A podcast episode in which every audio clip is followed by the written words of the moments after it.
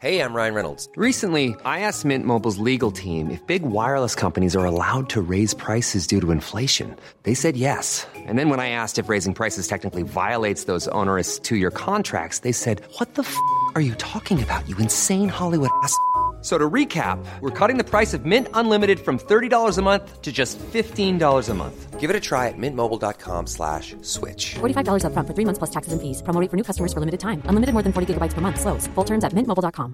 Burrow's furniture is built for the way you live. From ensuring easy assembly and disassembly to honoring highly requested new colors for their award-winning seating, they always have their customers in mind. Their modular seating is made out of durable materials to last and grow with you. And with Burrow, you always get fast, free shipping. Get up to 60% off during Burrow's Memorial Day sale at burrow.com slash ACAST. That's burrow.com slash ACAST. burrow.com slash ACAST. Hiring for your small business? If you're not looking for professionals on LinkedIn, you're looking in the wrong place. That's like looking for your car keys in a fish tank. LinkedIn helps you hire professionals you can't find anywhere else, even those who aren't actively searching for a new job but might be open to the perfect role. In a given month, over 70% of LinkedIn users don't even visit other leading job sites. So start looking in the right place. With LinkedIn, you can hire professionals like a professional. Post your free job on linkedin.com slash people today. Palmemordet, Hans Holmér, del 9. Sveriges statsminister Olof Palme är död. 90 000.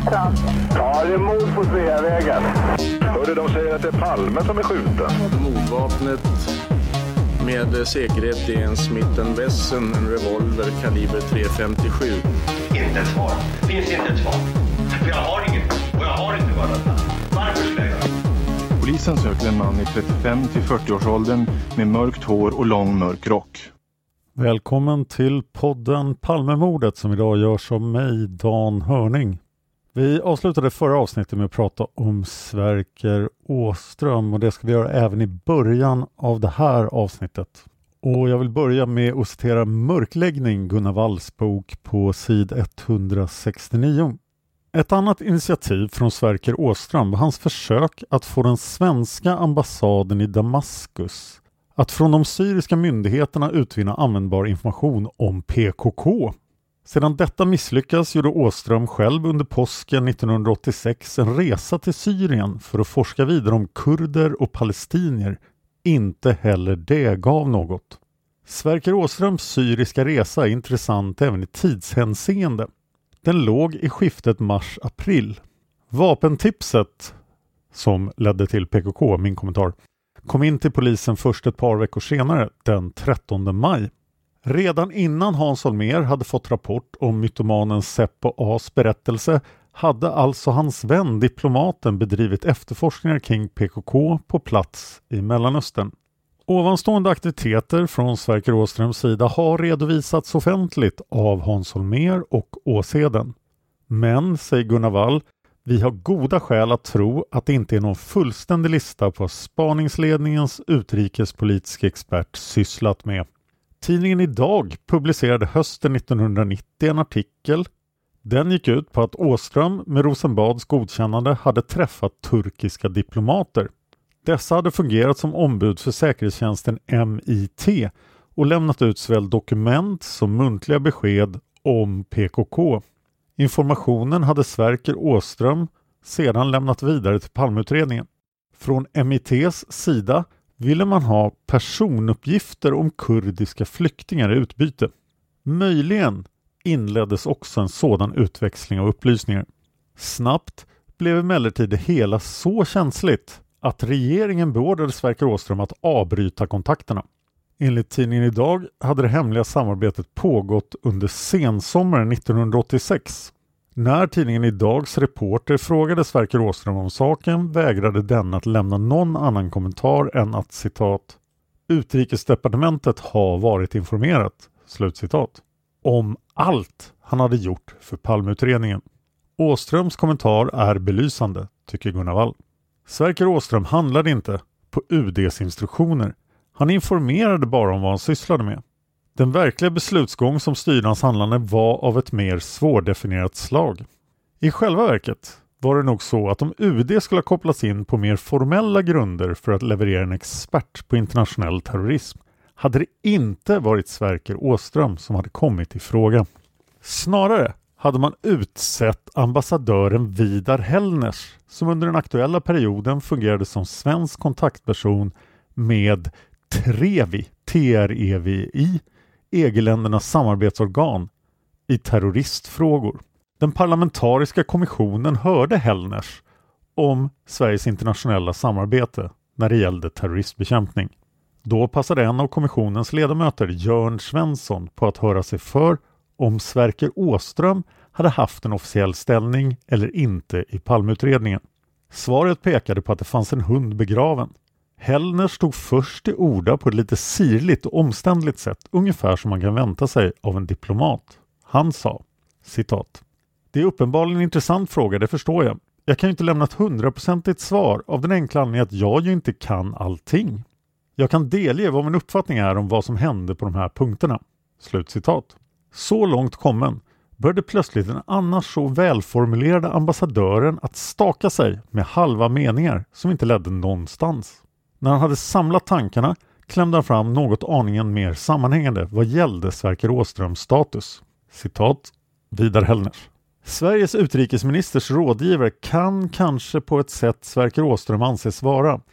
Men på vilka så att säga exakta boliner kan jag inte säga utöver det jag just har sagt. Slutcitat. Vi kommer att återvända till Vidar Hellners och internationella terroristsamarbeten i ett senare avsnitt. Granskningskommissionen har det här att säga om Sverker Åström. Bland annat citat Granskningskommissionen. Som framgått tog på Sverker Åströms initiativ kontakter med ett antal stater i syfte att få fram uppgifter av intresse för mordutredningen. Och här var ett svårt ord, jag hoppas jag uttalar det rätt. Denna demarsch ledde i stort sett inte till några resultat alls. Efter sin ovan återgivna beskrivning av förfarandet fortsatte Sverker Åström inför juristkommissionen att beskriva utfallet så här. Det var en långrev som gav mycket, mycket lite. De flesta av de här svarade men de hade ingenting alls. Och det svarade de antingen för att de inte hade någonting eller också för att de sa att det här var en oriktig väg att låta polisunderrättelser passera. Utan polisunderrättelser ska i normalfallet gå från polis till polis på hemliga vägar. Hur som helst, om jag är rätt underrättad, detta notvarp gav väldigt lite i själva verket. Vi hade inte hoppats att KGB skulle öppna sina dossier för oss, men å andra sidan gav det fruktansvärt lite tyckte vi nog och det tyckte jag. Därför att det kan ju vem, det kan ju ett barn förstå att när mordet äger rum så sätts ju alla dessa länders polis och underrättelseorganisationer på högvarv. Vad kan det här vara? Har vi någonting med det här att göra? Våra underlydande, våra allierade, våra vänner, fiender? Allt sätts ju naturligtvis igång av dessa regeringar. Allt sätts på högspänn då under de här närmaste dagarna då efteråt. Då kan man ju säga så här det kan inte vara onaturligt om de hade fått någonting i sina egna varpar och gentemot ett hyggligt land som Sverige att de hade låtit någon liten fisk komma vidare till oss. Så blev inte fallet. Det gav ingenting egentligen. Slut citat Sverker Åström och Granskningskommissionen. Och här måste man komma ihåg att huvudspåret definitivt inte är PKK än. Vi är framme vid påskdagen den 30 mars. Under Palmeutredningens första veckor var det alltså Viktor Gunnarsson, eller 33-åringen, som var det stora namnet i offentlighetens ögon. Någon annan officiellt utpekad misstänkt person fanns inte. Hans Holmer och spaningsledningen funderar vidare runt Lars Jeppssons vittnesmål. De kommer in på frågan varför mördaren inte tog rulltrappan och de börjar också tvivla på Lars Jeppsson. Åsheden skriver DN 1987 citat var Lars Jeppsson verkligen så modig att han blixtsnabbt utan att tveka tog upp jakten på en mördare som just hade skjutit ner någon på öppen gata? Holmer tillägger citat eller det allra värsta alternativet. Det kanske inte är mördaren Lars Jeppsson ser. Då är vi tillbaka vid att vi har en mördad statsminister som med 99% sannolikhet har skjutits med en Smith Wesson. Och det är allt vi har. Det är inte underligt att det känns tomt ibland. Åsheden fortsätter i DN 87. Citat. Dessa tvivel, den resultatlösa jakten på mordvapnet, försvagningen av huvudhypotesen, den samlade tröttheten, bristen på verkligt heta spår och den begynnande misstron i massmedier mot Hans Holmer och Stockholmspolisen Allt det gör att Hans Holmér under påskveckan får sin första riktiga svacka. Tio nya blombuketter, påskhälsningar i brevskörden, två delikata tårtor från en känd restaurang och ett 20 kilos påskägg från ett konditori. De hjälper föga. Inte hjälper heller minnet av den påsklunch hos våldsroten som han själv och Hans Wranghult blev bjudna på häromdagen. Det har aldrig tidigare hänt att den självmedvetna våldsroten bjudit in pappersbyråkraterna i toppen av polishierarkin. Hans Holmér var både glad och överraskad. Lunchen med sill, paté, ost och öl i Rotelkorridoren hade också varit uppmuntrande på det viset att Hans Holmér hade känt att kriminalerna där verkade lika besjälade som han själv av att lyckas med den svåraste uppgiften någonsin. Vi ska ta den jäveln, hade en av dem sagt över matbordet. Holmér säger citat men det måste hända något som drar uppåt nu trots all uppskattning och uppmuntran både utifrån och inifrån. Jag tror inte jag orkar leva med att inte ha klarat det här. Men det är inte aktuellt. Vi ska klara det. Om man är i en vågdal och samtidigt blir kritiserad i massmedierna är det svårt. Alla de här blommorna och breven och påskäggen. Folk vill till varje pris att vi ska klara det här för det är så otäckt. De blir förbannade på journalisterna som förefaller motverka det. Slutcitat Hans Holmér i Åshedens artikel. Åsheden skriver vidare. Hans Holmér har alltid varit fängslad av myndighetspersoners samspel med massmedier. Han tycker att myndigheten i ett öppet samhälle ska ge ifrån sig så mycket information som möjligt. Han har genom åren lärt sig hur massmedier arbetar och känner många journalister. Under jakten på Olof Palmes mördare tycker han att han har följt samma linje. Att informera så mycket som det bara går eftersom nationen har rätt att få veta. Det tycker emellertid inte journalisterna. Efter några veckors presskonferenser om mordutredningen börjar de misstro Hans Holmér och hans avsikter. Det pratas mycket på redaktionerna och det är många journalister som tycker att Hans Holmér ger alldeles för lite och att han redan har misslyckats. Den svängande attityden märks också i det som skrivs. Framförallt Expressen och Dagens Eko har tagit på sig rollen att kritisera mordutredningen. Lite senare vad Hans Holmér inte riktigt begriper är att massmedier inte begriper att han inte kan lämna ut detaljer som polisen jobbar med. Förstår inte journalisterna att mördaren kan sopa igen spår om han genom tidningarna får reda på vad polisen vet? Vet de inte att vittnen påverkas av vad de läser i tidningar, hör i radio och ser på TV? Holmér säger till Åseden Jag förstår ju att de vill ha nyheter. Jag kan till och med förstå att de spekulerar när de inte får något av mig. How would you like to look five years younger? In a clinical study, people that had volume added with Juvederm Voluma XC in the cheeks perceived themselves as looking five years younger at six months after treatment. Look younger, feel like you. Add volume for lift and contour in the cheeks with Juvederm Voluma XC. Reverse signs of aging by adding volume to smooth laugh lines with Juvederm Volure XC.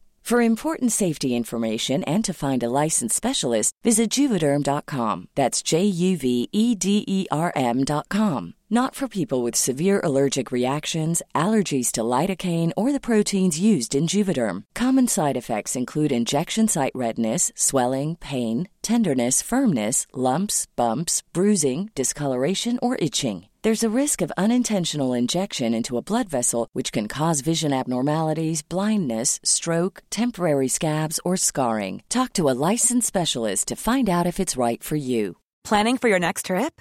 Elevate your travel style with Quince. Quince has all the jet setting essentials you'll want for your next getaway, like European linen, premium luggage options, buttery soft Italian leather bags, and so much more. And is all priced at 50 to 80% less than similar brands. Plus, Quince only works with factories that use safe and ethical manufacturing practices. Pack your bags with high-quality essentials you'll be wearing for vacations to come with Quince. Go to quince.com/pack for free shipping and 365-day returns. Flexibility is great. That's why there's yoga. Flexibility for your insurance coverage is great too. That's why there's United Healthcare Insurance Plans. Underwritten by Golden Rule Insurance Company, United Healthcare Insurance Plans offer flexible, budget friendly coverage for medical, vision, dental, and more. One of these plans may be right for you if you're, say, between jobs, coming off your parents' plan, turning a side hustle into a full hustle, or even missed open enrollment. Want more flexibility? Find out more about United Healthcare Insurance Plans at uh1.com. de har en press på sig att producera nyheter, inte minst en ekonomisk press. Men förstår de inte att det är livsfarligt för dem? Allmänheten tappar ju förtroendet för massmedierna. Att det blir en dragkamp mellan polisen och massmedier får man finna sig i. Massmedierna vill ha ut mer än polisen kan lämna och i det kriget är vissa knep tillåtna. Åsheden reflekterar. Hans Holmér gör ingen hemlighet vad att han gillar det här. Inte minst roligt är det när han märker att han själv håller för trycket. Men under påsken har han börjat skaka lite i saden av massmediernas misstro, även om han inte visar det utåt. Hans Holmér blir uppsökt av en kriminalare och den här kriminalaren berättar om något eh, anmärkningsvärt som har hänt. Kriminalaren har fått ett samtal från Leif Brännström. Leif Brännström är en reporter på Expressen och Brännström har fått en idé om hur Expressen ska få mer information från spaningsledningen. Kriminalaren berättar för Hans Holmér att Leif Brännström har erbjudit honom följande för att berätta. Han ska få citat semester resten av året om han berättar. Hans Holmér reflekterar till Åseden. Det här är vidrigt. Jag ska tala med chefredaktören Strömstedt när det här är över. Det är mycket jag ska göra när det här är över. Åseden berättar att Hans Holmér läser massor. Dels för att det finns mycket som måste läsas, men också för att det enligt Åseden hjälper honom att hålla påskdepressionen borta. Speciellt fokuserar han på tipsen och på vittnesmålen. Det blir annandag påsk, måndagen den 31 mars. Den 31 mars genomför Hans Holmér en av sina mest kända presskonferenser. När man googlar bilder på Hans Holmér är det ofta foton tagna vid den här presskonferensen som dyker upp. Det är här och nu som Hans Holmér och spaningsledningen presenterar det de tror är mordvapnets märke och modell. Hans Holmér håller upp två stycken Smith Wesson revolvrar kaliber .357 och det är foton av dessa som nog de flesta av er har sett. Anledningen till att Hans Holmér visade upp två olika Smith Wesson revolvrar var för att de hade olika piplängd och man inte riktigt visste exakt vilken piplängd mordvapnet hade. Åsheden uppger flera punkter på Hans Holmérs agenda för presskonferensen den 31 mars. Han vill visa massmedia och allmänheten att polisen inte har kört fast. Folk tycker att Hans Holmér lämnat ut för lite info. Därför vill han ge en antydan om den nya hypotesen som har växt fram. Hans Holmér vill ha tips om mordvapnet. Hans Holmér vill komma ur sin depression och det gör han bäst genom att göra det han gillar allra mest, ge en presskonferens. Hans Holmér vill dessutom skicka ett budskap till Viktor Gunnarsson som just då befinner sig hos vänner på västkusten. Och här följer ett antal direkta citat från presskonferensen. Hans Holmér, citat. Välkomna till den här presskonferensen. Spanings och utredningsarbetet bedrivs med oförminskad kraft. Idag omfattade utredningen 3688 tips, 7394 personer och 646 bilar. Totalt 11 728 dokument som ingår i vår databas över fenomen. Det går bara att arbeta metodiskt med sånt här.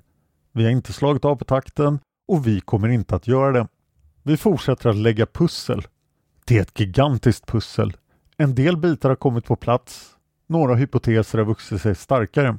Det är till exempel så att vi nu är övertygade om att valet av platset för attentaten var en impulshandling från mördarens sida. Han hade bara några minuters betänketid. Det är ett faktum som i sin tur leder till vissa slutsatser. De bitar som ingår i pusslet är olika stora. Det som i massmedier beskrivs som krutstänk är i verkligheten två mikroskopiska partiklar från en tändsats. En patron är uppbyggd av en tändsats av krut och av en kula. Tändsatsen finns i en tändkapsel när den träffas av slagstiftet trycks den ihop och tändsatsen exploderar och lågor slår ut genom mycket små hål i tändkapseln in på krutet som i sin tur exploderar. Krut är en banal sammansättning. Den innehåller svavel, träkol och salpetersyra. Tändsatsen däremot är mera fint sammansatt av olika grundämnen. Om vi har tur kan en person som avlossar ett vapen få partiklar på handen, eller handsken, eller nedre delen av rocken eller jackan. De här partiklarna är mycket små. I vår undersökning av jackan är det två partiklar, den ena 20-30 mikrometer och den andra mindre än så. Alla inser att analysen är tidskrävande och svår. Det vi nu vet är att mordvapnet med säkerhet är en Smith Wesson revolver kaliber .357. Det finns en viss statistisk osäkerhet men den är utan betydelse i spaningsarbetet. Ammunitionen är Winchester som slutade tillverkas 1981 men som fortfarande saluförs på vissa håll. Vi har letat och fortsätter att leta efter mordvapnet. Bland annat har vi tagit flygfotografering till hjälp. Jag vill säga till dem som tror att det är ett aprilskämt att vi inte tycker att det är läge för ett sådant skämt. Jag vill också i det här sammanhanget erinra om att den uppgift som leder till att vi hittar mordvapnet kan vara värd en halv miljon skattefritt. För att underlätta sökandet efter revolvern har vi tagit fram foton på vapnet. Slutcitat. Åsheden rapporterar att efter presskonferensen känner sig Hans Holmér nöjd. Han tycker att han har givit en hel del och att det var väl förankrat i spaningsledningen vad han skulle gå ut med. Han tror också att Viktor Gunnarsson har blivit nervös. Det har kommit in en hel del tips om Viktor Gunnarsson. Hans Holmér är särskilt intresserad av ett som säger att Viktor Gunnarsson hade haft en lägenhet på Döbensgatan men att lägenheten vid mordet hyrdes av den svensk-kurdiska föreningen. Hans Holmér och Börje Wingren vet också att Viktor Gunnarsson har en ex-flickvän som bor på Döbensgatan. Det är Svensktoppsångerskan som vi nämnde i Viktor Gunnarsson-avsnitten. Hans Holmér och Börje Wingren upptäcker ett intressant samband. Försök att följa med i den här fantastiska logiken. Okej, vi har Viktor Gunnarsson, vi har en ex-flickvän.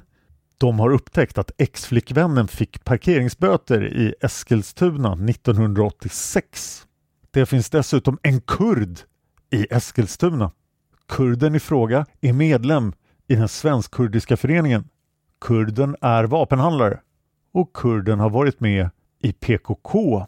Tänk om ex-flickvännen åkte till Eskilstuna och köpte mordvapnet av kurden. Hans Holmér säger om den här teorin citat. Så kan man tänka om man låter fantasin skena iväg. Men det stickspåret klippte vi lugnt och städat av. Kvinnan hade en fosterdotter i Eskilstuna. Slut citat. Med det understått då att det var därför hon åkte till Eskilstuna. Spaningschefen SL Pettersson sammanfattar sitt intryck av Viktor Gunnarsson. Citat. Han är en sån där kafépolitiker som pratar om sina läror med alla som sitter på ett café och inte vill höra på honom. Slut citat.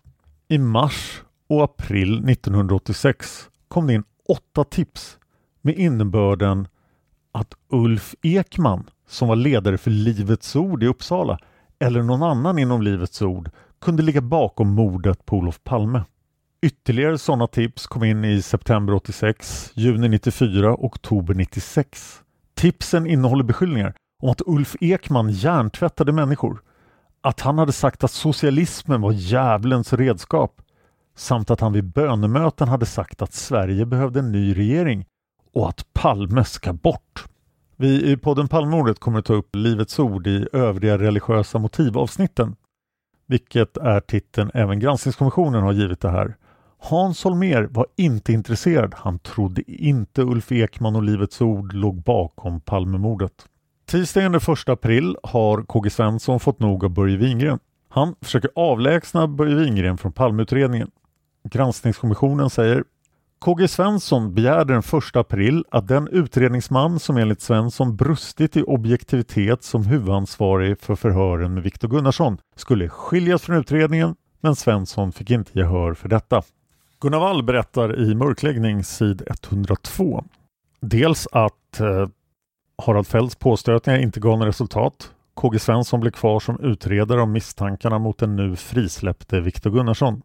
Efter en tid beslutade KG Svensson om det slutförhör som skulle leda fram till striden om antalet konfrontationer. Parallellt med detta pågick det ständiga ställningskrig som vi tidigare har berört. KG Svensson bad att få åtgärder utförda, Hans Holmér förhalade eller vägrade. Ytterligare en pina för KG Svensson denna vårvinter var att det inte gick att bli av med den enskilde polis på lägre nivå som mest systematiskt tycktes ha förstört utredningen. Efter den inställda häktningsförhandlingen hade visserligen Börje Wingren förlorat den nyckelposition som han hade haft. Men han fanns kvar i gruppen som utredde Viktor Gunnarsson. Ur KG Svenssons perspektiv var det ett stort orosmoment. Den 1 april råkade åklagaren och spaningsledaren stöta ihop på polishuset gård. KG Svensson bad då om att Börje Wingren skulle kopplas bort från mordspaningarna. Givetvis sa Hans Holmér nej. Långt senare, hösten 88, lägger Hans Holmér i sin bok Olof Palme är skjuten skulden på Börje Wingren för att KG Svensson blev förd bakom ljuset när det gällde styrkan av bevisningen mot Viktor Gunnarsson. Enligt Holmér kände Börje Wingren till att vittnet Ibrahim hade blivit visad det fatala fotot men teg om denna känsliga omständighet inför spaningsledning och åklagare. Gunnar Wall fortsätter. Vi kan tyvärr inte reda ut hur ansvarsbördan för att KG Svensson blev lurad exakt bör fördelas mellan kriminalinspektören och länspolismästaren. Men det är intressant att notera hur Hans Holmér byter attityd. Först håller han Börje Wingren om ryggen gentemot KG Svensson. Sedan, när han ska sälja sin story till svenska folket, hugger han kniven i samma rygg. Förklaringen till omsvängningen är enkel enligt Gunnar Wall. När Hans Holmér ger ut sin bok har han till skillnad från Börje Wingren för länge sedan släppt spåret Viktor Gunnarsson. Striden med KG Svensson är historia. Vad som i det läget är mer angeläget för den förre spaningsledaren är att i omvärldens ögon undgå ansvaret för de värsta tvivelaktigheterna i mordutredningen. KG Svensson försöker också utreda Viktor Gunnarssons alibivittnen som vi har talat om i Viktor Gunnarsson-snitten. KG Svenssons krav den 1 april 1986 på utredning av de av Viktor Gunnarsson åberopade alibivittnena från Café Mon ignorerades först av spaningsledningen. Åsheden skriver i DN senare citat Första vardagskvällen efter påsk träffar Hans Holmér justitieminister Sten Wickbom för en genomgång av läget. Han berättar att terroristhypotesen blir allt svagare och de politiska motiven lika så. Vore motivet utrikespolitiskt borde man vid det här laget fått en reaktion någonstans i världen. Men det har man inte. Allt andas bara sorg och bestörtning. Hans Holmér säger till justitieminister Sten Wickbom citat Däremot tror jag att det kan ligga någon slags fanatism bakom mordet. Det finns många som har gått och tyckt illa om Olof Palme och det han stod för. Det är en hopplös fråga att besvara hur långt det är från ord till handling i en Palmehatande miljö. Men där kan ju alltid finnas någon som är tillräckligt galen för att göra det. Slutcitat. Det är anmärkningsvärt här och jag slås av hur vilsen Hans Holmér verkar vara i början av april. Men här ska han alltså avfärda terrorism inför justitieministern drygt en månad innan precis allting börjar handla om PKK. Källan till det här är i och för sig Åseden och det är möjligt att det är en efterhandskonstruktion från Hans Holmér. Nu ska vi få höra vad Hans Holmér själv hade att säga när han utfrågades om just terrorism 1987. Så varsågod Hans Holmér. Vi får se. Jo, jag tänkte bara med en sån där eh, utomordentligt generell och svepande fråga. Eh, den organisationen och den, den sätt att bekämpa eh, utifrån den principen, organisatoriska principer att bekämpa terrorism. Är, det den, är den effektiv och rationell idag eller kan den göras bättre? Ja, den kan göras bättre. Det beror lite på vad man menar med att bekämpa terrorism. Ja, det är en sån där också ja. odefinierad term, men, men eh, ungefär vet vad jag menar. Men ja, jo, jag förstår visst. Eh, man kan uppspåra. Ja, man kan väl säga att eh, erfarenheten av eh, terroristgärningar som vi har här.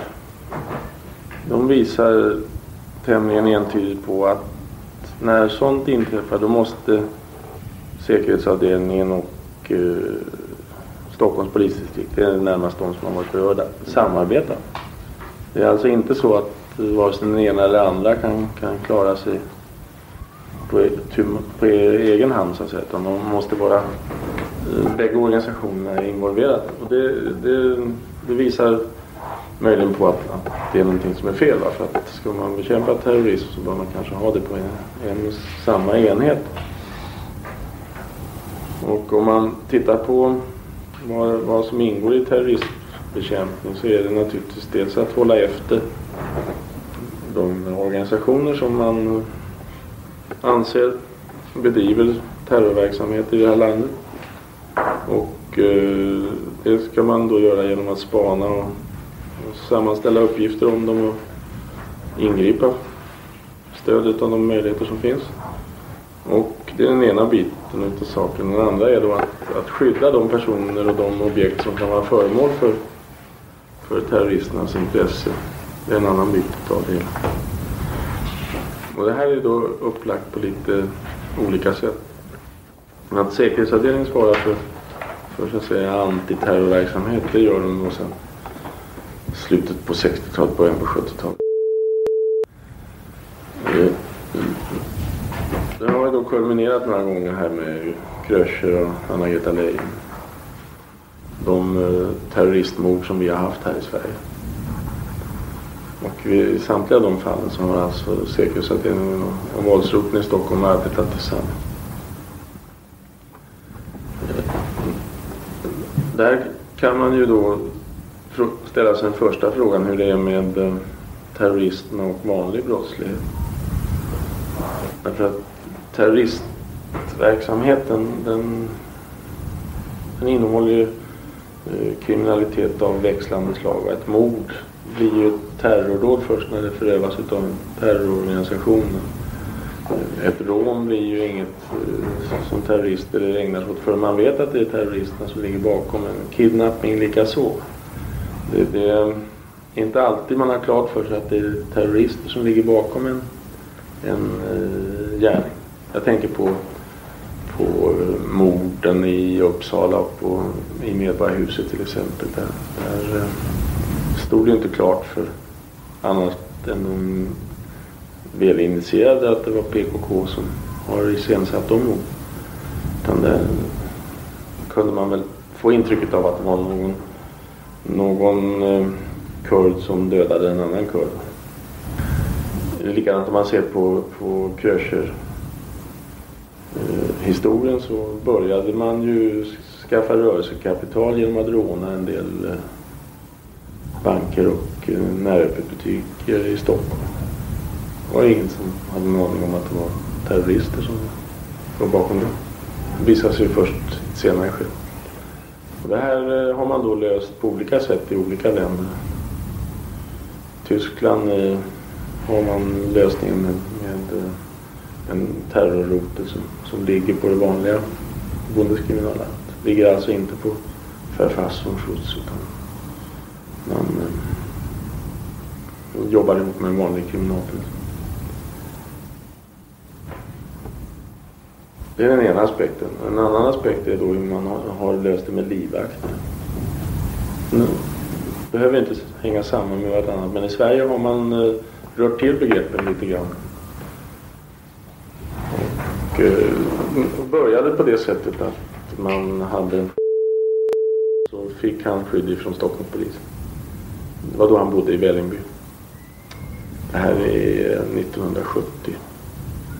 Och då eh, läckte det här till eh, massmedia.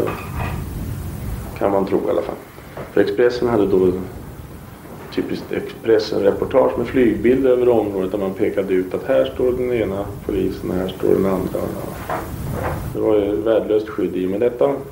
Det var det ena. Det andra blev att eh, Eh, statsministerparet blev ilskna på det här naturligtvis och ville ha andra poliser eftersom de drog slutsatsen att det här hade poliserna från Stockholm talat om. Då la man in det på säkerhetsavdelningen. Kalle Persson eh, arrangerade det.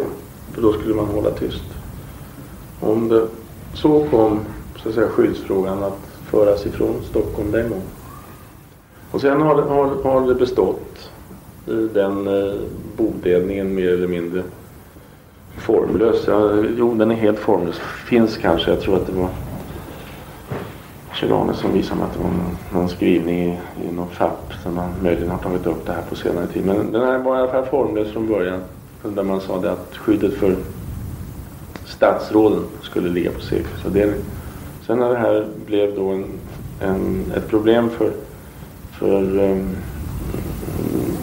diplomatiska kåren här så lades skyddet av ambassadörerna på Stockholm. Och sen så när eh, kungafamiljen kom in i bilden så lades det också på SEK för att sen bilda en egen organisation för sig. De har ju tre olika enheter varav två ligger mycket nära varandra. Och det här ställer då till en del bekymmer. Det ställer till bekymmer när det gäller informationen i, som berör en större del av samhället. Och, eh, vi försöker då, säkerhetsavdelningen och vi i Stockholm, att ha en gemensam utvärdering utav det här. Men eh, det är mycket eh, det blir mycket bytande av informationer genom att det är uppdelat på flera håll. Och när man ser det här och har sett det under en tid då, då tycker jag då är det ganska klart hur idealet borde se ut. Man skulle alltså ha en, en eh, livvaktsenhet som svarade för alla livvakter. Och den eh, enheten skulle då eh, ligga inom samma organisation som terroristbekämpningsbil. Så långt det, eh, tror jag att alla inblandade är överens. Att den, den, de delklossarna bör hänga ihop. Det är väl bara mantalsskrivning? Ja, det är det. Och den, där har vi olika idéer om hur det borde vara. Möjligen kan det till, min, till mitt eh, goda räknas att jag redan på säkerhetsavdelningen tyckte att det skulle ligga i Stockholm. Eh, Ehm, jag menar alltså att, att den här ehm, kopplingen eh, terroristverksamhet eh, och annan brottslighet är så pass tydlig att man förlorar eh, genom att sära på dem. Det, det talar då det är en omständighet som talar för att lägga allting i Stockholm. Framförallt i, framförallt i början. Sen har man försökt rätta till det men, men eh, det är klart att, att det är ju så med alla enheter. Eh, framförallt en enhet som inte är så stor, som, vilket man kan säga om säkerhetsavdelningen. Att, att eh, i ett skede när, när terrorn är, är, är av dominerande intresse så är det svårt att Gentemot det här att flytta så att säga antiterrorverksamheten ut på Stockholmspolisen och det talar då att en hel del av den information som, som kommer om terroristverksamhet går i hemliga kanaler så att säga. Att det finns eh, säkerhetsorganisationer ute i världen som inte talar med vanliga poliser. Det, det, det framställs som the crucial point så att säga. Ja, det, det, men den eh, den olägenheten är inte total om jag säger så. Därför att, att eh, vi får information från öppna källor som är, är lika ingående som den som kommer till säkerhetsavdelningen. Men eh, hur man än vänder och vrider på sig så uppstår det komplikationer. Är det någon skillnad, bara för min egen nyfikenhet skull, på, på basis av din erfarenhet från, från säkerhetsavdelningen tidigare, är det någon skillnad mellan till säkerhetstjänsten så att säga är polisiär och där den är civilt eh, organiserad. Till exempel i, jag menar, i England är den väl mer eller mindre en civil verksamhet. I varje fall inte direkt så uttalad polisiär som den är i Sverige. Even when we're on a budget we still deserve nice things. Quince is a place to scoop up stunning high-end goods for 50 to 80% less than similar brands. They have buttery soft cashmere sweaters starting at $50 luxurious Italian leather bags, and so much more. Plus, Quince only works with factories that use safe, ethical, and responsible manufacturing. Get the high-end goods you'll love without the high price tag with Quince. Go to quince.com/style for free shipping and 365-day returns. Flexibility is great. That's why there's yoga. Flexibility for your insurance coverage is great too. That's why there's United Healthcare Insurance Plans. Underwritten by Golden Rule Insurance Company, United Healthcare Insurance Plans offer flexible, budget friendly coverage for medical, vision, dental, and more. One of these plans may be right for you if you're, say, between jobs, coming off your parents' plan, turning a side hustle into a full hustle, or even missed open enrollment. Want more flexibility? Find out more about United Healthcare Insurance Plans at uh1.com. Planning for your next trip? Elevate your travel style with Quince. Quince has all the jet setting essentials you'll want for your next getaway, like European linen, premium luggage options, buttery soft Italian leather bags, and so much more. And is all priced at 50 to 80% less than similar brands. Plus, Quince only works with factories that use safe and ethical manufacturing practices. Pack your bags with high-quality essentials you'll be wearing for vacations to come with Quince. Go to quince.com/pack for free shipping and 365-day returns. Ja, det, det verkar som... Ja, jag har inte funnit något mönster i de olikheter som man möter. Man, man kan konstatera att, att om man idag vän, ska vända sig till Västtyskland för att få information om PKK. Och då, det tar åtskillig tid innan man lyckas samla all information som finns. För den är splittrad på olika ämnen. Och det beror på att, att eh, det är inte, man har inte lyckats lösa det här. Det finns ingen renodlad lösning för det. Man har valt... Det hänger samman med det federala och delstatssystemet? Ja, ja, men inte bara det. Utan det här är på riksplanet då, som jag har haft anledning att försöka få kontakt. Så att eh, det här är sannolikt bekymmersamt. Men det viktigaste tror jag, det vi alla är överens om, det är att man måste föra ihop det här. Om man inte ska... Eller om man för ihop det så, så blir det effektivare i den meningen att det blir mindre krångligt. Eftersom du själv sa så att informationen hela tiden kommer till, till ni får information i vanlig reguljära polisverksamhet så att säga. Medvetet eller omedvetet, direkt eller indirekt. Mm. Så, så, måste man ju ändå man måste ju föra ihop all information om man ska kunna tillgodogöra sig den till 100 procent. Ja, det måste man den, den aktiva verksamhet som säkerhetsavdelningen bedriver i antiterrorverksamheten den, den är, är naturligtvis eh, det är den som är kärnan mm i kunskapen. Och det, den, en sån aktiv verksamhet kan man ju bedriva eh, varhelst man bestämmer att den ska bedrivas. Men en lösning om man skulle lägga det då på, på eh, Stockholmspolisen eller på, på den reguljära polisen och då är ju Stockholmspolisen den som både i alla, i alla synpunkter kommer ifrån så att säga. Mm. Så stöter man ju på eh, då får man ju eh, göra den till en nationell verksamhet inom ramen för en, en eh, lokal organisation, i princip lokal mm. organisation. Det är naturligtvis närmast ett byråkratiskt hinder snarare än någonting annat mm. för sig. Men, men något praktiskt hinder det ser du inte där. Nej. Ja, Kjell-Arne. Ja, jag tror vi har berört eh, faktiskt eh, de flesta frågorna här. Men i din modell som du tänker dig, skulle SÄK ha några uppgifter i terrorism kvar? Nej, det skulle man inte ha. Allting skulle ligga på Stockholmspolisen och det skulle vara nationell verksamhet. Eh, sekretessfrågorna är ju intressanta. Behöver man ha samma sekretess i terroristärenden som i den ordinära säkerhetsverksamheten? Generellt? Ja, det, det, jag vet inte om man kan, jag vet inte om man kan kan svara på sådana här frågor generellt sett. Därför att det finns naturligtvis information om terroristverksamhet som är utomordentligt känslig. Men någon slags skala så kan jag tänka mig att, att eh, behovet av sekretess genomgående är, är, är högre på kontraspionagebiten. Mm. Kanske på förhållande till främmande makt. Det har ju alltid varit en, en, en särskild eh, tröskel sekretesstänkande.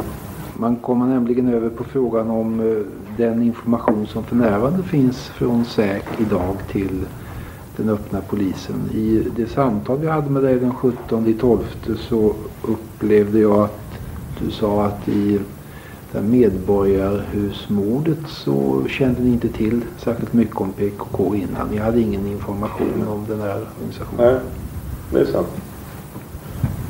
Jag, jag eh, visste då inte hur mycket som man kände till om, om PKKs delaktighet. Du sa tidigare idag, du är gammal chef för SÄK, att du har goda kontakter med SÄK. Men informationen om terrorism allmänt och i enskilda ärenden, hur bedömer du det? det? Ja, det är ett faktum att den säkerhetsorganisation får man dra information ur. Då måste man veta just vad man ska dra. Ja, just det. Det, är det är det jag kan. Alltså, det, om jag drar i rätt tråd så får jag informationen. Men om jag inte vet vilken tråd jag ska dra, då får jag den inte. Det, det kan man se under den här utredningens gång. Innan vi fick fullt grepp om den information som fanns inne på säkerhetsavdelningen, fick ur den, gjorde den hanterbar och så vidare, så hade vi åtskillig, åtskillig möda vi var tvungna att lägga ner. Och det här är då... Fråga, eh, beror det på att eh, man kan ju tänka sig flera förklaringar alla fall lekmannamässigt. Antingen så kan det vara så trivialt att säkerhetsavdelningen inte vet vilken information de har. Jag menar den kan vara så, så, mm. eh, så splittrad och, och, inte strukturerad på ett sätt att, den, att man liksom kan lista ut vad som är väsentligt och viktigt i vissa, vissa akuta situationer. Det, ena, det andra kan ju också då vara en kombination mellan bägge de här, att, att man inte vill lämna ut den överhuvudtaget. Mm. Det, Det finns flera exempel på att man eh, inte vill lämna ut den och, och skälet är, är väl att förklaringen är väl att söka i den att man, man tillbringar ju år med att informera och lära de som arbetar på säkerhetsavdelningen. Säg ingenting om detta. Det, det, ni får reda på i ert arbete ska ni hålla för er själva. Det, här, det ska vi använda inom vår organisation. Så att även när då cheferna säger till dem att nu ska ni informera så finns det här eh, hindret. Va? Normalt sett är vi ju ganska öppna i kommunikationerna människor emellan. Men, men har man varit länge på säkerhetsavdelningen så har man lärt sig att prata med andra om saker och ting. Det gör man inte. Va? Även om man får eh, carte blanche på att prata så är man ovan, oförmögen att prata. Det, det har vi pratat om i hög grad under den här resans gång. Mm. Vid åtskilliga tillfällen så har vi sagt att nu har vi inte fått reda på det. Det, det tog kanske början på sommaren innan vi fick den, den typen av öppenhet i kontakterna. Då, då talar jag inte om, eh, om viljan i stort eller att, att man eh, hade något intresse av att motsätta sig utan det var det att när cheferna där sa till att se nu till att det här kommer ut så gick det ändå uh, lite på kryckor. Va? Därför att man kan helt enkelt inte. Viljan att informera den uh, har förtvinat. Kanske man har fått så mycket eh, information att man spricker av det kanske. Mm. Sen, sen är, det ju också så att din första fråga är, är i hög grad berättigad. Är det, är det också så att, så att säga, i, under senare år att det har liksom kommit en annan, eh, annan dimension, i varje fall att det krävs eh, en, en bredare attack så att säga på, på de här frågorna med, med alla de politiska och andra et, implikationer som ligger i det. är inte liksom bara att registrera vissa, vissa fakta. Man måste liksom kunna sätta in dem i ett politiskt, kulturellt eller etniskt sammanhang på ett sätt som som man kanske inte behövde förut eh, när man hade, det var lite mera pang på rödbetan. Ja. Vad jag menar. Ja, det, mm, terrorn har ju blivit mera omfattande då i, i den meningen att vi, vi har ju organisationer här som, som vi tidigare inte hade. Och eh, de här organisationerna har kommit att spela en allt större roll i världspolitiken. Mm man tog ju, Eh, jag drog konsekvenserna av det genom att sätta in eh, en specialist från UT i Rikspolisstyrelsens ledning. Så det, det, får man väl säga är just ett, en bekräftelse på, på din tes här. Att eh, det har blivit mänskligare. Och, det är omöjligt att hantera den här frågan om man isolerar sig för mycket. Därför att, att, att bekämpa terror är ingenting som, som kräver eh, sekretess annat när det gäller om man har för misstankar. Mm. Eller vilka eventuella källor man har. Mm. Palmemordet finns på Facebook. Följ oss gärna där och diskutera podden med mig och Tobias. Jag finns på Twitter och Instagram. Jag heter Dan Hörning, så är väldigt lätt att hitta. Där kan du följa alla mina poddprojekt, bland annat min absolut största podd Seriemördarpodden där vi under sommaren 2021 gör en sommarspecial på 12 delar om seriemördaren John Wayne Gacy, alltså mördarclownen Det är David Oskarsson som har skrivit, som har varit med och skrivit på de här Hans Holmér-avsnitten. Du hittar Seriemördarpodden på Patreon eller på Podme. Jag vill gärna ha iTunes-recensioner så lämna dem om ni lyssnar på ett Apple-device och alla iTunes-recensioner kommer bli lästa i podden. Som ni märkte fanns det inget käckt klipp med Hans Holmér i början av det här avsnittet och jag vill även flagga för att det kommer bli mindre och mindre, ja det kanske inte kommer ske gradvis, men det kommer att ta slut med ljudmaterial från 1987. Så till slut kommer den här serien, och speciellt när vi har passerat 87, att inte innehålla några ljudklipp med Hans Holmér. Men jag ska försöka använda allt jag har för jag vet att ni uppskattar de här ljudklippen. Tack till alla som sponsrar Palmemordet på Patreon. Det är ni som gör att vi har kunnat fortsätta så här länge. Tack till Lukas för musiken. Tack till expertgruppen, vår jurist och våra researchassistenter. Tack till Juan Esposito som har faktagranskat Hans Holmér-avsnitten. Tack till Cornelia som har hjälpt till med eh, ljudklippen. Tack till David Oskarsson för hans research och manuset i sitt grundutförande. Tack till Tobias för allt bra du gör för den här podden. Och till slut, tack till dig för att du lyssnar på Palmemordet. Man hittar Palmes mördare om man följer PKK-spåret till botten. För att ända sedan Julius Caesars tid har jag aldrig hört talas om ett mord på en framstående politiker som inte haft politiska skäl. Polisens och åklagarens teori var att han ensam hade skjutit Olof Palme. Och det ledde också till rättegång. Men han frikändes i hovrätten. Nu ska vi ut och röva, Stråt. Ja, vi ska ut och röva.